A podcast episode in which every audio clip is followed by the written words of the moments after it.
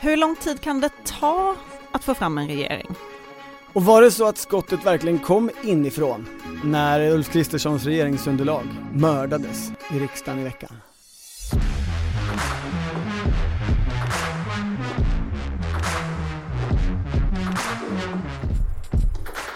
Det här är Politiken med Maggie Strömberg och Torbjörn Nilsson. Och Henrik Torehammar. Igår klockan 21.00 i kvarteret Björnen i rummet Bella höll Magdalena Andersson, Ann Linde och Peter Hultqvist presskonferens framför flaggorna. Det har ju varit vansinnigt att vi har varit så fokuserade på den nästa statsministern Ulf Kristersson att man har liksom glömt bort, nej men det är ju Magdalena Andersson som är statsminister vi såg henne när riksdagen öppnar, nu så såg vi henne göra det som kanske är bäst på, att hålla en pressträff i en allvarlig stund för nationen. Och det regeringen sa då på sin pressträff, övergångsregeringen, var ju att det här var alltså eh, hålen i Nord Stream-ledningen i Östersjön är eh, en medveten handling, alltså sabotage. Och det har ju skett på ek svenskt ekonomiskt vatten, säger man så? Mm, ekonomiskt territorium. E ekonomiskt territorium. Mm. Det, det, är ju inte alldeles vanligt heller att man har en presskonferens 21.00. Det är sånt som kan hända i en väldigt uppstressad valrörelse eller när det är synnerligen allvarliga saker. Så bara det och att man kallade till den här presskonferensen med väldigt kort varsel är ju också något som säger något om allvaret i situationen. Och de här hon hade ringt till, för då kände man lite så här, åh nu var vi tillbaks i eh, S-valrörelsen, vi ringer till Schultz, eh, vi ringer till Stoltenberg, eller han är ju inte, han är en gammal sosse men är, han är ju NATOs eh, generalsekreterare, jag har ringt och pratat med eh, Fredriksen nere i Danmark. Men så hade han ju också ringt till Ulf Kristersson. Mm. Eh, Ulf, oppositionsledaren som ju väntas bli statsminister. Och det är ju ett udda läge, alltså eh, övergångsregeringen underströk ju att de kan att de har all, alla möjligheter att verka. Under tidigare övergångsregeringar har de ju snarare betonat att de inte kan göra så mycket i det läget, men här verkar de vilja sända ut någon slags lugnande signal. Samtidigt så såg jag Magdalena Andersson tidigare på dagen under riksmötets öppnande hos Mats Knutsson i SVT, där hon eh, för första gången vad jag hörde började rikta kritik mot Ulf Kristersson för att regeringsbildningen tar tid och säg, sa någonting i stil med att eh, vi har ju hört hela valrörelsen hur eniga de här fyra partierna är, nu, nu får de liksom nu får de komma fram med någonting. För det är ju det här dubbla, att på ett sätt kan man ju se så här, eh, ja, nej det här är verkligen inte politik utav sossarna, utan det här är det ansvarsfulla att göra och man säger jättetydligt, eh, det här är inget bråk vi ska, vi försöker bara göra det så bra som möjligt för den, eh, den regering som ska tillträda. Men någonstans så måste ju också pressen kännas för eh, Kristersson att nej men nu måste vi komma igång. Det är så mycket som händer runt om i världen, i Sverige, att, att även det här säkerhetsläget borde väl blåsa hårt. Ja, och alltså dels så blir det ju mycket spekulationer nu vem, vilka intressen eh, kan tänkas ligga bakom ett sånt här sabotage? Av alltså det är jättekonstigt, det, det är ju nästan som man känner så här typ gåtan, att, att den i sig är på något sätt, för, för ingen förstår vem har gjort det och varför och motiven. Ja, det är många som har teorier, alltså det är ju alltifrån att Ryssland ska ha gjort det till att USA ska ha gjort det till att Ukraina eller Tyskland då. Det går väl bara att konstatera, och, och det gjorde väl Carl Bildt som var inne i detta, att det, det, är inte vem som helst som klarar av att göra detta på ett visst djup långt ner och sådär. Men det som jag tyckte var intressant på presskonferensen och i hela den här situationen är ju att det är ju någon form av höjd beredskap. Jag förstår att, att det är ett, en term som, som har eh, särskilda kriterier och att man inte använt den, men man, man pratade ju verkligen om eh, iaktta extra försiktighet med vad man delar på sociala medier, tänk på information, alltså typ en svensk tiger. Eh, så det är ju en indikation, om inte annat, liksom, ja, kriget står inte för dörren, men det är en väldigt allvarlig situation. Och då är det kanske inte optimalt att ha en övergångsregering och en regeringsbildning eller en regeringsförhandling om en regeringsbildning som ingen, förutom möjligtvis Ulf Kristersson och Jimmy Åkesson, vet hur det går med. Vi ska ju säga att Ulf Kristersson eh, möter talmannen ungefär nu när vi spelar in detta och kommer sen hålla en pressträff där han troligtvis då kommer få någon slags eh, tidsram från talmannen.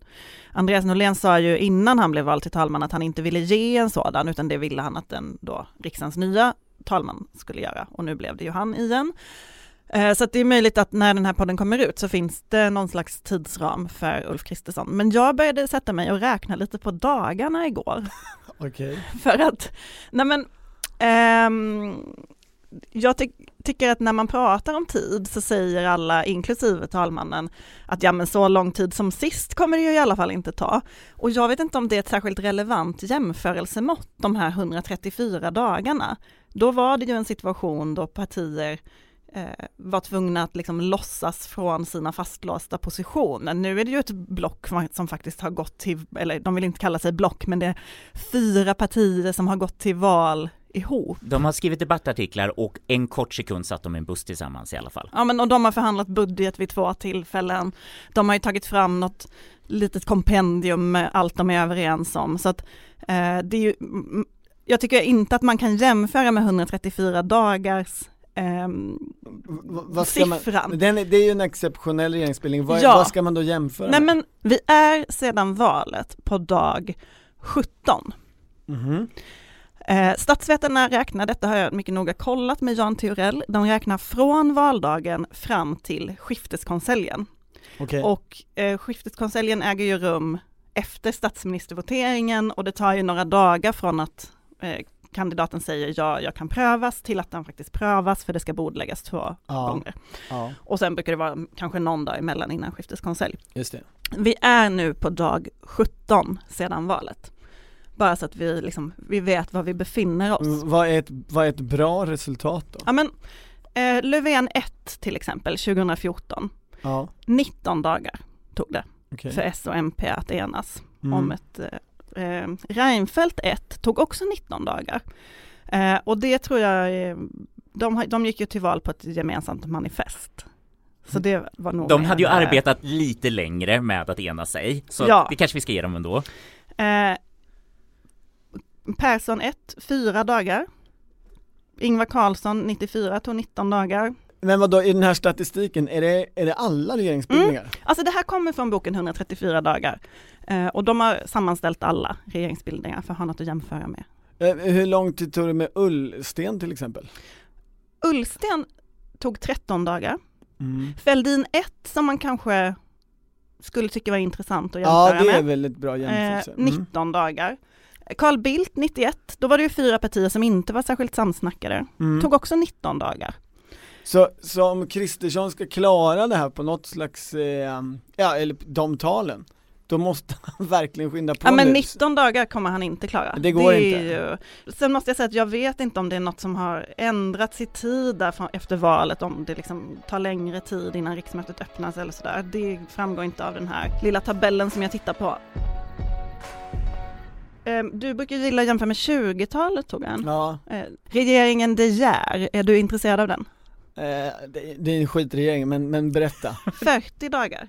Branting 3 tog 27 dagar. Ja. Eh, nej men man kan säga att, att eh, jämfört med 134 dagar så ligger Ulf Kristerssons regering, Ulf Kristerssons sida i politiken bra till, men det ser ändå ut som att det här kommer bli en regeringsbildning som ligger i liksom rekordspannet. Ja, och, på, nästan på pallplats kan man tänka sig. Då kan man väl ge Kristersson och Åkesson att, att det är kanske mer med det där 20-talet man ska jämföra eh, med förutsättningar. Men dilemmat är ju lite att de just retoriskt har, har gått så hårt in på att det ska inte bli så svårt det här. Och då då börjar ju klockan ticka för nu verkar det ändå vara lite svårt. Och återigen, Ni lovade jättemånga väljare att ni skulle typ betala elräkningarna. Det är lite osäkert läge i världen. Det är typ revolt i Iran och eh, ja, Ukraina verkar förbereda sig på att det kan bli kärnvapenattacker. Så Du tycker, du tycker att om det blir kärnvapenkrig i Europa så vore det betryggande om vi i Sverige åtminstone hade en regering på plats? Men du känner sig, tjafsa inte om biståndet och a-kassan. Kom igen. varje gång man inte bara bryr sig om svensk inrikespolitik så känns det... Ja, skärp. Man får inte svära i tv, eh, men eh, det är pyramidalt klumpigt. Pyramidalt klumpigt. Pyramidalt klumpigt.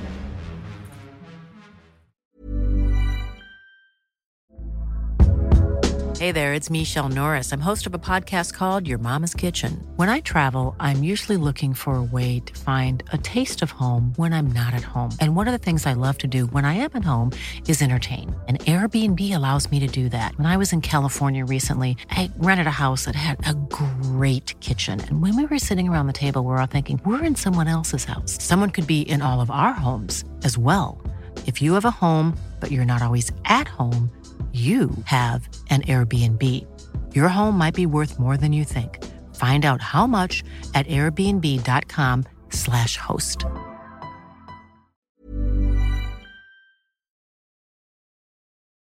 Vi har åtminstone en ny riksdag på plats. Det har varit upprop och det har varit talmansval den här veckan. Jag hade en sån, eh, ett sånt fint demokratiskt eh, ögonblick i riksdagen eh, i måndags när det var upprop.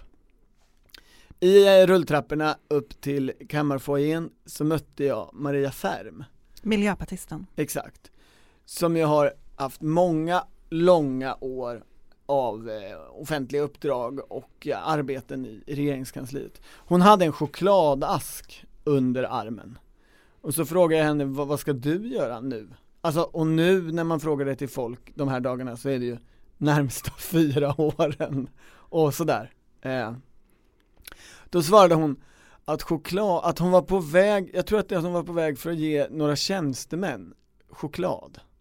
Som någon slags avtackning. Och att hon sen skulle gå till arbetsförmedlingen. Och inte jobba för Arbetsförmedlingen, nej. Nej, Utan- nej, nej, nej, nej. och inte reformera arbetsförmedlingen eh, och inte göra någonting på det sättet utan att gå och skriva in sig på arbetsförmedlingen. Hon kanske ångrar nu att hon inte kandiderade till språkrör. Så mitt under den här uppropsdagen när det var massa nya ledamöter och allt är uppsluppet och, och liksom nervöst och pirrigt så gick Maria Färm rulltrappan ner ut i det fria livet bort från politiken in till arbetsförmedlingen. Spännande. Mm. Man, kan, man undrar ju hur hennes och Gustaf Fridolins liv kommer se ut nu, politikfritt. De bor ju ihop. Ja, du, du tänker att det inte kommer ta så lång tid innan någon av dem ger sig in? Nej, jag tänker att igen. de kommer bli lyckligare människor, jag vet inte. Men jag förlåt, känner vad- ju alltid, har ju alltid samma känsla um, vid riksmötets öppnande, eller liksom när det kommer, det är ju så mysigt när det kommer nya riksdagsledamöter. Alltså i måndags mötte jag en som var så här, var ligger bankhallen någonstans? Och den är ju stor och i mitten och så, alltså, Förlåt, du kunde ha hjälpt mig. Jag är ju lika Ja. ny på det här jobbet. Jag har ju ingen koll överhuvudtaget. Har du hört om det töntigaste som de nya riksdagsledamöterna gör? nej. De har på sig sin ny riksdagsledamot-pin. Nej, vad gulligt. Men det är också att de går och letar efter toaletten. Förlåt, jag säger inte att det här var och- töntigt. Jag säger att det var andra som sa att det var töntigt Ja. och man visste, visste att det här är newbies som inte fattar någonting. Min känsla så här års är i alla fall alltid att jag är så himla tacksam över att jag slipper kandidera för att behålla mitt jobb. Att jag får, får gå in i riksdagen liksom ändå. Mm. Eh, att jag inte kan bli bortröstad från min stol i presscentrat. Men jag tänkte säga, men, Men- det, det gör ju folk inom sina klick så, så länge du är en produktiv, eh, när du inte levererar, då, kossan ska slakt direkt, direkt Men- Du iväg. tänker på Men- den här känslan av men- att eh, politiker kommer och går men Maggie Strömberg består. Men jag känner också, gud vad det är svårt att prata idag, eh, alltså att få en sil i. Ehm, jag känner också varje gång någon avgår, som typ när Annie Lööf bara, nu ska jag avgå för att vara med mina barn. Då känner jag också en otrolig sorg över att själv inte få lov att avgå. Eh, och att jag aldrig kommer få göra det, att jag kommer få sitta där, att det kommer vara så många centerledare som kommer passera min, Mm. mitt liv. Så där, mm, jag, jag förstår den känslan. En, en, som, en som verkligen är alldeles ny och ny i, på raketposition är ju Vänsterpartiets nya gruppledare. Samuel Gonzales Westling, gruppledare trots att han är helt ny i riksdagen, lite ovanligt. Ja det är det ju. En annan, en annan sak som är ovanlig var ju att han gick omkring med en krycka. Alltså det är, det är inte så, han är ju relativt i, ung. Eh, han, han verkar inte ha några eh, större allmänna fysiska problem. Eh, vet ni vad som har hänt? Berätta. Har han liksom sin föregångare eh, ramlat typ i en tunnelbana? Nej, han, eh, Vem, förlåt, hans föregångare? I, inte förlåt, Sjöstedt var inte hans föregångare. Nej. Han kanske också har varit gruppledare, vem vet? Jag tänkte på att eh, eh, Sjöstedt en gång ramlade och gick omkring med en krycka. nej den är nya gruppledare i Vänsterpartiet har brutit fotleden för att han i somras eh, med sina barn tävlade på gräsmattan hemma om vem som kunde hoppa längst. Ah, jag tror du ska säga journalistrugby, men jag tycker ändå att eh, det här funkar också. Ehm, Mo- Moderaternas eh, favoritkommunalråd Christian Sonesson från Staffanstorp gick ju också omkring i riksdagen och minglade mycket. Och eh, Pös? Var det pös? berättade att eh, de hade fått tillsägelse att de inte skulle helst prata med journalister utan att liksom stämma av med pressavdelningen och sen skrattade han rått. Eh, men sen så avsade han sig faktiskt sin riksdagsplats efter att ha varit med om det där talmansvalet. Det var ju som att han bara ville vara där de två dagarna, för, för på måndagen så all, alla rutinerade riksdagsledamöter och alla nya eh, hängde ju i kaféet. Alltså de rutinerade tog med de nya visa kaféet och där var det ju stor, det var liksom förmingel till alla mingel. En enda riksdagsledamot hängde uppe i kammarfoajén där de journalister som inte orkar gå ner till kaféet var. Och det var Christian Sonesson. Så det känns ju så otroligt mycket som att han så att säga sökte uppmärksamhet. Han fick också, fick också en del, eh, jag såg att han var med på väldigt mycket tv. Men, Men, men det eh, blir tråkigt att inte ha honom i riksdagen. Det hade ju varit festligt eh, i Moderaternas riksdagsgrupp. det kan ju bli festligt på sitt sätt ändå. Kanske inte direkt nu, det vet man ju inte för, för många kommer ju liksom försvinna in i regering och regeringskansli på olika sätt. Men det, det man kan se i Moderaternas riksdagsgrupp, det är ju att, att pojkarna, Wykmanfalangen, known as pojkarna, ju successivt strategiskt förstärker sig. Ja, alltså jag såg eh, Wykmanfalangen hålla något slags möte i kammarfoajén. Möjligen pratade de bara med varandra som vänner gör, jag lyssnade inte. Men man kände ju då att de var många. De är ju kända eller ökända för att ha förmöten eh, innan riksdagsgruppsmöten. Eh, Jag vill också säga att alla som är med i Wykmanfalangen förnekar ju att det finns en Wykmanfalang, och- eller pojkarna. Ehm, gör de verkligen Ja, det? när, så fort de får frågan på band så säger de nej, vi är ingen falang, vi bara jobbar lite hårdare än de andra. Men Det jag räknar i alla fall att de nu är minst nio stycken. Berätta. Josefin Malmqvist, Carl-Oskar Bolin, Ida Drogge, eh, Noria Manouchi, Louise Meijer. Ja, Wikman själv då förstås.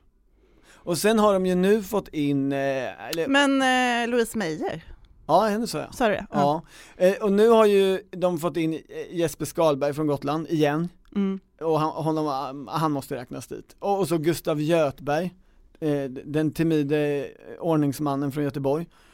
Och så Oliver Rosengren, galningen från Växjö. Det är nio stycken, det är alltså, Dessutom, det händer inte nu, nej. men det finns en framtid. Dessutom har ju då eh, Douglas Thor som väntat nu utmanat eh, Matilda Ekeblad som ordförande för Moderata ungdomsförbundet och då, det skulle ju innebära om han vinner den striden att eh, Wykman Falange sitter på två sidoförbund, både kvinnoförbundet där Josefin Malmqvist är ordförande och eh, Pojkarna. ungdomsförbundet. De har ju inte haft ungdomsförbundet sedan Benjamin Dosa lyckades ta över det. Nej. Frågan är om han blir minister. Annars så skvallras det om att han ska liksom luftlandsättas i Stockholms stadshus. Mm, Det är Ja. mycket spännande i Moderaterna, men det kommer väl vara lugnt där nu i och med att man får regeringsmakten, eller? Eh, Ja, det tänker jag. Men det, det här är ju att se de underliggande trenderna. Räkna inte ut pojkarna. De, de växer och växer. Ja men lägg av nu, alltså så här. Du och jag snackar ju med varandra. Jag träffade Romina Pourmokhtari som hade varit inte på den kyrkliga ceremonin utan Aha. Den sekulära Mm, hon är ju eh, liberal, luff, avgående luffledare, Ja. numera riksdagsledamot. Och man kan ju säga så att hon, om hon inte redan varit typ ordförande för Republikanska föreningen så känner man ju också att hon skulle också kunna vara ordförande för Humanisterna. Det är en Mm. sån personlighet. Och hon Är varit- hon ordförande för, Det, det vet jag Nej. inte, nej nej. sjöng Jag, hon kungsången? Nej. jo, nej det gjorde hon inte. Nej. Men hon stod i alla fall upp och Mm. eh, kanske fick några sidblickar sa hon Det är ju det här ögonblicket när, när kungen och kungafamiljen kommer in under riksmötets öppnande i kammaren då alla ställer sig upp. Där man Ja. har en möjlighet att protestera. Eh, var- Genom att sitta ner Ja. eh, och sådär. Det var snack om, eh, om, om var det Linda Snecker, vänsterpartisten, att hon typ, hon reste sig upp för långsamt när hon, när eh, Och hon gjorde en halv protest. Alltså som en halv böj blues för de som känner till det systembolagsbegreppet förevigat av Cornelis Vreeswijk. Jag var tvungen att gå till källan och fråga och hon sa så här: nej, det här var kunskap, jag har gjort det här tre gånger, det tar så lång tid för dem att komma hit, förstår du hur svårt det är att gå ut ur en gyllene vagn? Jag behöver inte resa på mig på direkten. Det var så hon menade hela. Vad jag skulle säga om Romina var eh, att hon beskrev den här eh, sekulära ceremonin som humanisterna skötte på typ Fredsgatan 12. Jag har aldrig hört att det finns en sekulär ceremoni. Va? Det har funnits jättelänge. Okej. Ja. Mhm. Ja, för, men då, hon fick det beskrivet så här som att eh, de verkligen steppade upp och hade liksom, de fick jobba så mycket mer och liksom försöka göra då pamp utan att få använda det kyrkliga, men att de hade och nu kommer jag inte ihåg vad det var för musik, men jag tänkte så här, ah, det där var, lät som cool musik. Mm. Typ The Strokes, fast alltså någonting som var coolt nu, men du vet något ungt något som var typ rockigt, förlåt, förlåt, men det var Ja. så att de, hon, de hade, de hade någon Vadå, cool de musik. spelade Is this it? Vem vet? David Lagercrantz var ju där och höll tal. Ja. Och DN har publicerat hans tal. Det handlade ju om um, Annie Lööf ganska mycket och eh, ho- alltså, terrorhotet och hennes, att hon sa, när, att när hon avgick att hon sa att hon inte, att hon var glad att hon inte hade kommit till skada. Så talet handlade, utgick från det Ja. och handlade om liksom, Var var, det det? var vi befinner oss. Jag mötte nämligen honom på gatan. Eh, och jag undrade vad han gjorde i regeringskvarteren. Men då, Men då var fick du sin förklaring. det för att ge den här, den här ex, extra känslan. Och det var lite det här jag tänkte om det här, de som måste anstränga sig för att locka till sig folk eh, och vara liksom lite, lite extra, om de skulle kunna ha tagit hand om själva eh, ceremonin i riksdagen, för det var ju, det var ju fint, men det kanske inte var sådär så rockigt och det kanske inte ska vara en rockig ceremoni. Det var de här eh, kosackflickorna som sjöng Nu kvinnor måste vi få rösträtt. Just det, för det var hundra år sedan Ja. de kom in för första gången. Det var Adolf Fredriks flickkör. Ja, jag, Och, och en operasångerska jag inte minns namnet Ibland på. är det ju kända, detta har ju vi pratat om eh, i tidigare poddar tror jag, att ibland är det ju väldigt kända sångare, Alltså, artister. Eh, På, för det här är ju Andreas Norléns ansvar, talmannen. Det är han som styr upp ceremonin, väljer eh, vilka som ska underhålla och vilka som ska tuta i, i blåsinstrument och sådär. Det vore ju kul, sidspår, alltså eh, regeringen, många blir arbetslösa nu. Regeringen, den sosseregeringen som avgår har ju haft ett eh, brassband som har underhållit på, när de har varit på Harpsund. Mm, Max Elger och Ida Karkiainen och, Och Thomas. Eneroth. Är, Nej, är nej, Kolle med? Nej, Kolle har inte varit med, vilket är Nej. lite konstigt för Kolle och Thomas Eneroth har ju en historia som, som pojkar att spela i samma blåsorkester. Men Eneroth är ju en, duktig trumpetare, Karkainen spelar tvärflöjt och Max Elger kan eventuellt få fram några, några toner som håller på en bastuba och det har de underhållit resten av regeringen med. Så, eh, nu när de är valet? arbetslösa, det vore ju mycket roligt om de fick spela de här kungsången och fanfarerna och sådana här saker istället för de här kanske lite mer professionella. Det känns som att det är samma engagemang som ni har om pojkarna och flickorna när det gäller Moderaternas riksdagsgrupp har ni för eh, socialdemokratiska för detta ministrars möjligheter att bilda olika sorts eh, orkestrar. Det, mm, tänk det som en, ja, man, man gillar ju omställning. Oh ja! Ja, men det är ju Norlén som är ansvarig för musiken på riksmötets öppnande och här finns ju e- e- en kritisk punkt tycker jag, en svag punkt i den här folkkäre tal, hos den här folkkäre talmannen. Tidigare år, så länge jag har varit med, det är ju ett par decennier, så har det ju liksom varit bra musik, heta artister, lite en tävling om oj, har de lyckats få hit den här personen i år? Men jag undrar om det inte är så att eh, budgeten har sänkts för detta. Jag tror att jag har hört det någonstans och att vi kanske borde begära ut eh, kostnaderna för riksmötets öppnande genom åren och kanske göra något slags grävarbete här. Du tänker Kan att Mando? Diao när de var där DN. och sjöng Dan Andersson att de tar skitmycket pengar Men att Adolf Fredriks flickkör är billigare i drift, kanske Jag är så ledsen att jag inte pratade med Julia Kronlid på riksmötets öppnande, för hon hade ju en väldigt spännande huvudduk och man skulle vilja höra allt om liksom hur den där veks och ja, En hetta, tror jag man säger, eller? ja, Nej. Mm. vad det nu, Ja. precis. Till sin folkdräkt. Ja, eh, jag pratade lite med henne precis innan hon valdes till andre vice talman och då var det för att jag förstod att hon gick ju igenom en sån elds, ett eldprov, Mm. Elddop elddop, där har vi en stark känsla utav eh, religiös utsatthet när hon skulle möta bland annat eh, eh, Maggie Strömberg och andra journalister. Och jag såg att eh, Aftonbladet skickade ut pushen. Här grillas hon om kreationism eh, och jag bara oj vad stressande och då tänkte jag så här bara jag går fram till henne och bara så här hej jag ska inte bara ta sitta jag vill bara liksom så här men hur, hur mår du? Och försökte göra någon sorts du vet så här eh, ja, hon, du, du försökte vara snälla Henrik Snälla Henrik och bara typ eh, så här Malou, kom och sätt dig. Alltså att jag var Malou, nu bara pratar vi känslor. Eh, och, men hon var ganska spänd om man säger så, utan jag bara så här, men hur mår du? Så här, eh, jo tack, eh, kanske lite dåligt med sömnen, men jo tack. Jag bara, ha, vad har du liksom fått, eh, det, har varit spännande började det så här liksom. Ja, nej men jag, jag har vetat en, en, en stund, men jag kan inte gå in på ett exakt ett datum. Tack, tack, tack, hej. Så man kände att så här, nej men hon, hon var inte riktigt redo i det där eh, bjussiga, men vi vet i alla fall att hon hon hade eh, sovit lite dåligt. Så frågan som borde ställas, så frågan som borde ställas, det, och det är, det är en fråga.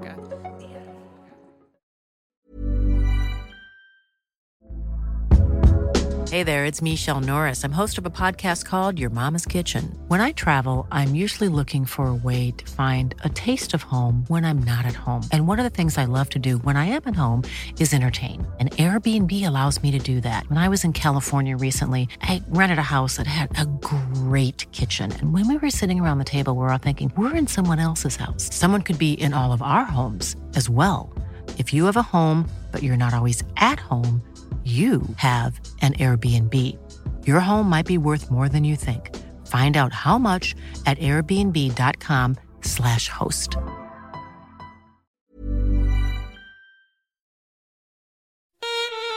Det har varit ett mord i riksdagen. Mordet på Ulf Kristerssons regeringsunderlag.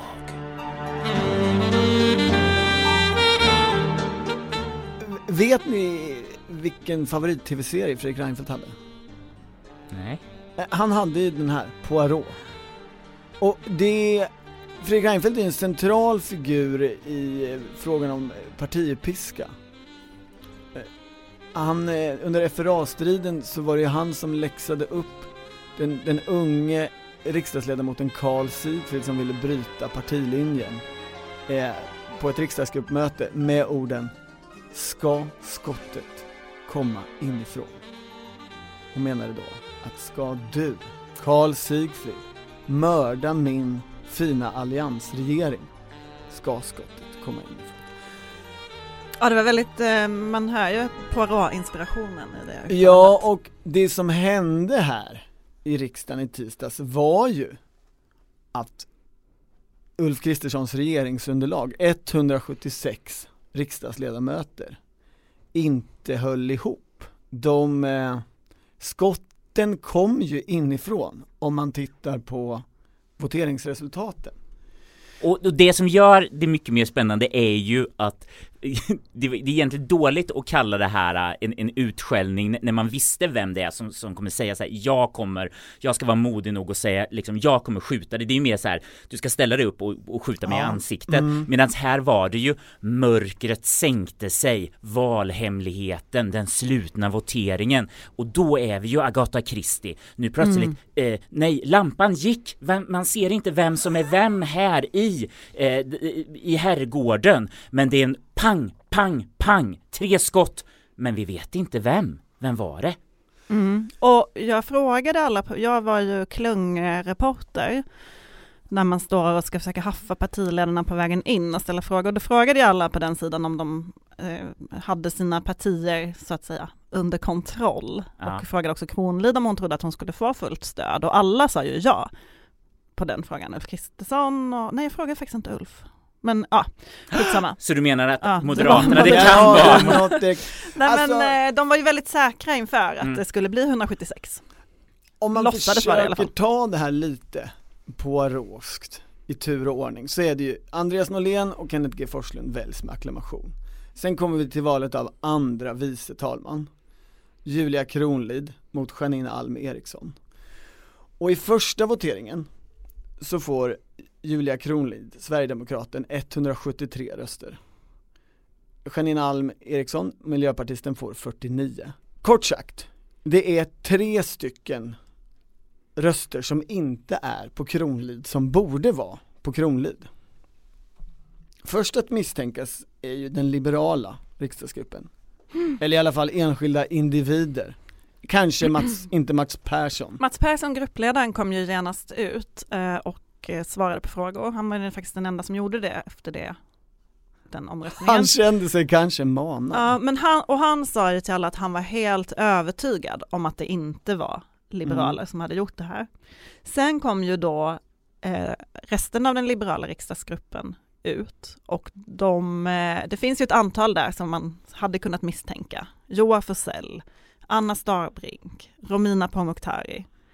Mm. Eh, alla, Kanske någon mer. Men... Ja det finns fler, absolut. Mm, Alla mm. dessa gick ju direkt ut och sa, berättade öppet att de hade följt partilinjen, de hade röstat på eh, Julia Kronlid, flera av dem hade ju också med sig sina två resterande valsedlar. Man har, de har ju valsedlar, två förtryckta med namnen och en blank. Va- Var det fler än Joar Forsell som stod och viftade med Eh, dem? ja, Gulan Avcis eh, fick Mm, jag också se. gjorde. För Ehm. Romina Pourmokhtari hävdade vid ett tillfälle att hon också kunde visa sina valsedlar men att de låg kvar inne i kammaren. Men i, det, det som de sa, som var deras argument, var att de tyckte att de hade vunnit på den här förhandlingen. Liberalerna får två presidieposter som de egentligen liksom, utifrån sin storlek kanske inte hade varit självklart att de skulle få en ordförandepost, en vice ordförandepost och eh, en sverigedemokrat blev inte ordinarie talman. Det var det som var det viktiga för dem. Och det blev inte Björn Söder. Nej, de Mm. var faktiskt eh, Men nöjda. det där är ju ett argument, men om vi ändå tänker oss det här som eh, en, en pågående mordutredning Mm. så måste vi de facto konstatera att här existerar ju grundläggande motiv. Det finns ju en hel del i den här riksdagsgruppen som inte tycker om det här regeringsunderlaget fullt ut. Absolut. Och en, Så du eh, menar att det är falska bevis? Lappar kan man ju det? samla ihop någon, från något annat, någon annan bänk. Ja dessutom en lapp, alltså sådana här blanka lappar, det är bara att klippa, ta en sax och klippa i vitt papper och gå och vifta med hur mycket som helst. Sen kan man ju fortfarande ha lagt ner i urnan. Men det är bara käbbel.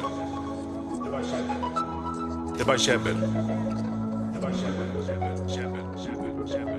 Kristdemokraterna är ju också misstänkta, tycker jag. Och de har ju kommit helt eh, undan all misstanke. Mm. Som om de vore höjda över den eller vad det heter. En KD-topp kom ut och ställde sig bland lite journalister och sa att eh, nog är det väl ändå Sverigedemokraterna själva som har gjort det här. Eh, Björn Söder som är besviken på att han inte nominerades av sitt parti och, Typiskt hans, gärningsmannatecken, att peka på någon annan. och hans vänner. Och vara kvar at the scene of the crime. Det är så de alltid säger när det gäller pyromaner. Mm. Och det är bara, mm, fast jag tror inte... var, Alltså det var i- ingen brand. Och också, det, det hade varit mer konstigt om en riksdagsgrupp bara sprang ifrån, man bara nej, nej men ni måste vara kvar. Men i Poirot är ju alltid mördaren kvar på festen Ja. eller på, på herrgården där de alla av en slump bor Mm. den natten. Eh, vi, vi- vi kommer till just det där så småningom, men för Kristdemokraterna vill ju verkligen inte ha med Liberalerna. Så Kristdemokraterna skulle ju kunna rösta fel för att liksom få skulden på Liberalerna och, och liksom vatten på sin kvarn för. Mm. Fattar du inte Ulf, vi kan inte ha med de här galningarna, det, det går inte att lita på dem. Fast just det där, det går inte att lita på dem argumentet är ju det starkaste argumentet för att ha dem i regering tycker jag. Du måste ha dem i regering för att annars kommer de bara dra. Fine, fine, jag, Mm. jag bara försöker hitta en gärningsman här. Ja. Eh, Moderaterna har också gått eh, under radarn i, i det, i det som har Varför varit skulle de förundersökning. vel, Jo, vela? jo, jo, men titta här. Maggie sa, de flesta är kvar, de flesta brottslingar, gärningsmän är kvar på, på brottsplatsen. Vad hände under dagen? Det enda som hände under dagen som vi vet är att en moderat riksdagsledamot avvek från riksdagen. Magdalena Schröder hade någonting som var väldigt viktigt som hon skulle göra, det var det säkert också, eh, kanske av privat Det var privat, natur. sa, sa Eh, hon. eh, hon försvann. Jag bara säger det. Eh, Jo, det är ju- fast hon försvann ju till den andra voteringen mm, och då blev det ju resultatet annorlunda. eh, ja, kanske för att hon inte var närvarande. Nej men då fick ju Julia Kronlid 175 röster. Ja, Nej, Nej 174. 174, 74. förlåt 174. Men då räckte det för då hade också, ja precis, Mm. matematiken. Mm. Ja, den andra är typiskt misstänkte moderaten är ju Christian Sonesson. Som ju valsade runt där som vi var inne på och om han nu ändå ska vara kommunalråd i Staffanstorp, varför skulle han inte tacka nej till riksdagsplatsen innan de här två dagarna? Alltså då vill jag ändå bara säga till Christian Sonessons försvar att han motiverade på sin Facebook när han meddelade att han skulle stanna i Staffanstorp så motiverade han att han hade varit med på talmansvalet att det var viktigt att det skedde ordnat eh, och att all, alltså ifall hans ersättare inte skulle ha hunnit komma till riksdagen så skulle Mm. det kunna bli problem eftersom det är så jämnt. Så att han var där för att rösta enligt partilinjen. Okej. Men du säger inte att det är ett bevis men jag säger att det är hans argument. det här är liksom, men å andra sidan, det här är, han sår något tvivel om att Ulf Kristersson kan leda det här partiet så att när man måste välja en ny ledare så då kanske han, oh, det fanns inte Men att så, just Sonesson skulle vara den som inte ville stötta en sverigedemokrat är ju eh, lite otippat eftersom han är den som mest av allt har drivit på för en partisammanslagning. Frågan här, man måste ju ha en bredare motivskala. Eh, skala. Mm. Det finns ju ett motiv av att skada, inte Björn Söder, utan Ulf Kristersson. Vem var det som på valnatten efter eh, valprognoserna ställde sig i SVT och började prata om att ja, Ulf Kristersson får nog tänka på sin framtid och han Så kan nog inte sitta kvar. Han sa opinionssiffror kommer och går och det gör partiledare också. Ja, det var väl vad han sa. Absolut, jag tänker bara att vi ska citera korrekt. Ja, ja. Eh, men jag ska sluta försvara Christian Sonesson, Ja. men det finns ju, jag tänker att det finns ju andra eh, moderater av den mer liberala typen som har fått vara tysta väldigt länge Mm. och som Och inte har liksom fått visa sitt missnöje med den nya linjen. Mm. Skulle det inte kunna vara en sån? Ja, finns det några sådana kvar i riksdagsgruppen? Jag vet inte. Ja. Okej. Sverigedemokraterna då. Om vi sa de mest uppenbara eh, var Liberalerna så att sen så blev det typ att det mest uppenbara var att det var Sverigedemokraterna och verkligen på något sätt Björn Söder. Det var ju det som alla gick omkring och pratade om den dagen. Det här, det här pågick ju under så många timmar, det här mordet. Mm. Så att eh, det, det var ju det, och det var ju lite intressant i sig att alla gick runt och pratade ganska öppet om att de trodde att det var Sverigedemokrater. Jo men det spännande med den teorin är ju om man då jämför med votering 2, det som händer där är ju att det blir 174 röster för Julia Kronlid, fortfarande 126 blanka och att Janine Alm Eriksson får 47 röster. Så då är det ju, om det är Sverigedemokrater så har de ju i första läget eh, in, inte bara lagt blankt utan de har ju röstat på en miljöpartist. Om man frågade moderater i kammarfoajén som ville komma med, med sina förklaringar till detta så var ju en sådan att eh, de nya ledamöterna hade röstat fel.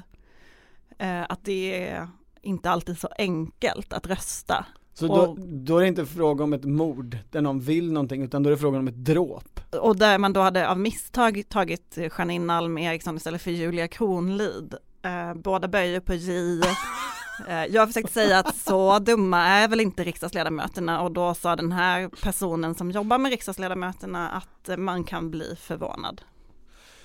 Frågan är då om man måste liksom koppla det med röstningsbeteendet i det tredje vice talmansvalet och där verkar det ju som det är några sverigedemokrater som har varit lite eh, konstruktiva höll jag på att säga och vågat rösta på den andra sidan i alla fall enligt uppgifter till Sveriges Radio. Okej gänget, ni får ta vidare det här och lösa mysteriet för jag måste springa iväg till en pressträff med en talman Ulf Kristersson. Det accepterar inte vi. Vi tar inte det. Det går inte. Det accepterar inte. Vi tar inte det. Det går inte. Det accepterar vi tar inte. Det går inte. Det går inte. Vi tar inte det. själva mordet på Ulf Kristerssons regeringsunderlag sker ju där i voteringen om, eh, den första och andra voteringen om eh, andre vice talman. Men det spårar ju fullständigt ur sen. Eh, i, i den här voteringen som Henrik pratar om till, till tredje vice talman. Precis, då är det ju Lotta Jonsson Fornäve som står mot Kerstin Lundgren, en vänsterpartist mot en centerpartist. Båda har ju under, under den föregående mandatperioden varit eh, vice talmän. Ska jag dra resultaten så är det så här, att i första voteringen så får eh, Fornarve 46 röster, Lundgren 37. Eh, det är 260 blanka. Och sen är det tre människor som har röstat på Martin Ådahl, Centerpartisten som absolut inte är nominerad. Ja. I nästa votering så är det ganska liknande siffror. Fornarve får 46, Kerstin Lundgren får 39, men plötsligt så är de blanka 247 bara, och Ådahl har fått 10 röster. Och Ali Esbati som heller inte är nominerad har fått en röst, och Björn Söder, som ju då absolut inte är nominerad den här dagen, har också fått en röst. Det har nu eh, gått, jag tror att det här har gått ungefär sex timmar sedan talmansvalet började. Det tar ju väldigt lång tid med de här slutna valsedlarna och urnan och så ska det läsas upp och, och räknas. Och reglerna är ju som så att om man inte får majoritet i den första omgången så gör man om det och sen i den tredje omgången så är det den som får flest röster.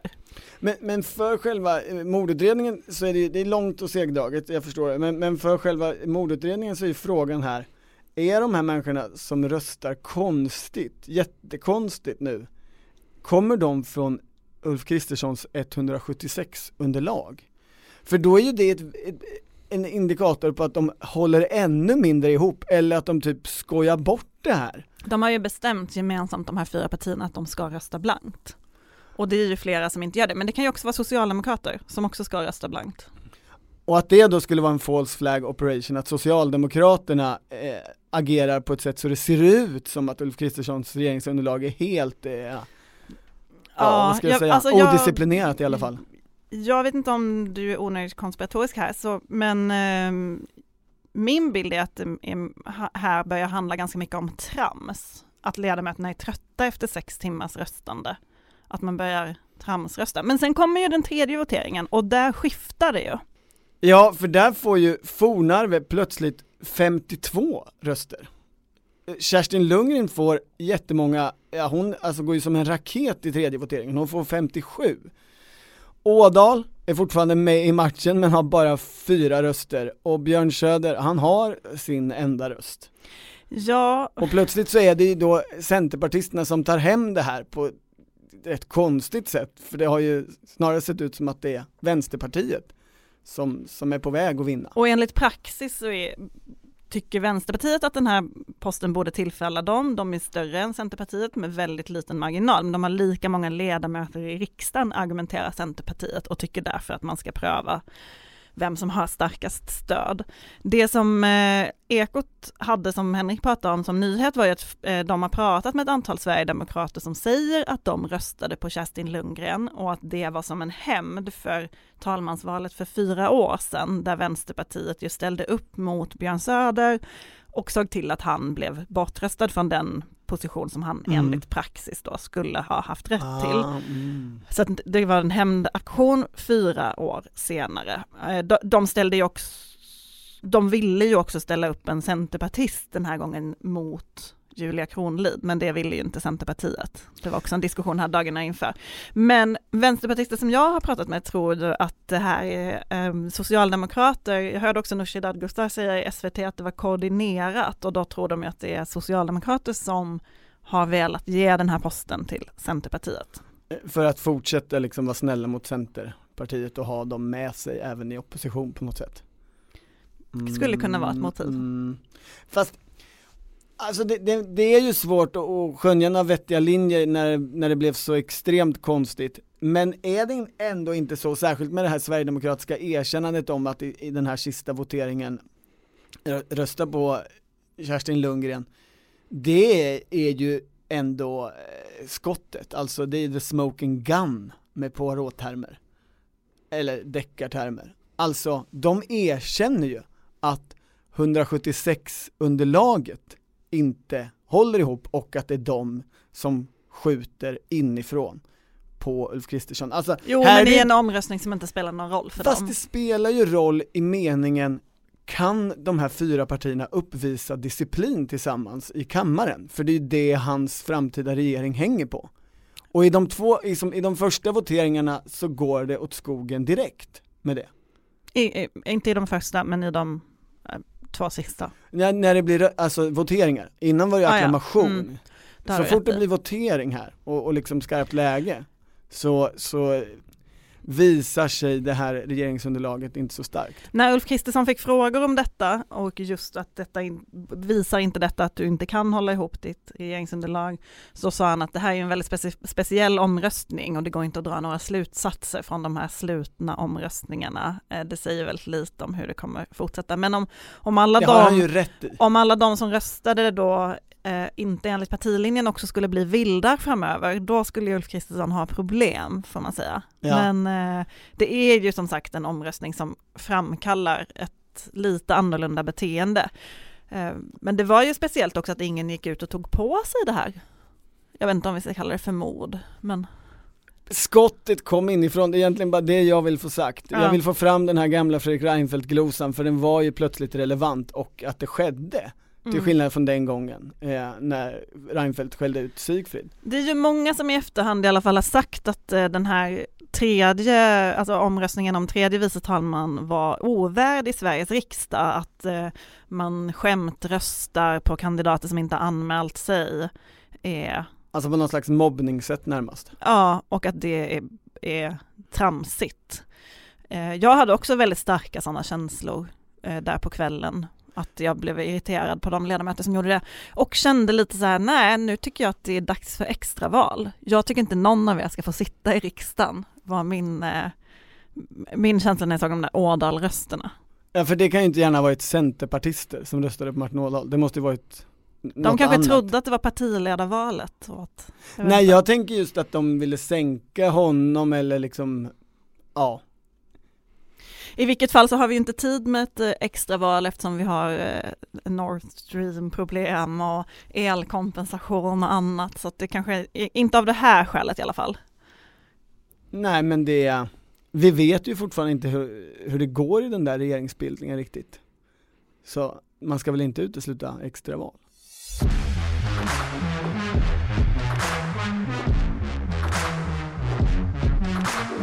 Du har lyssnat på Politiken, en podd från Svenska Dagbladet. Producent Mattias Dellert och ansvarig utgivare Anna Kareborg.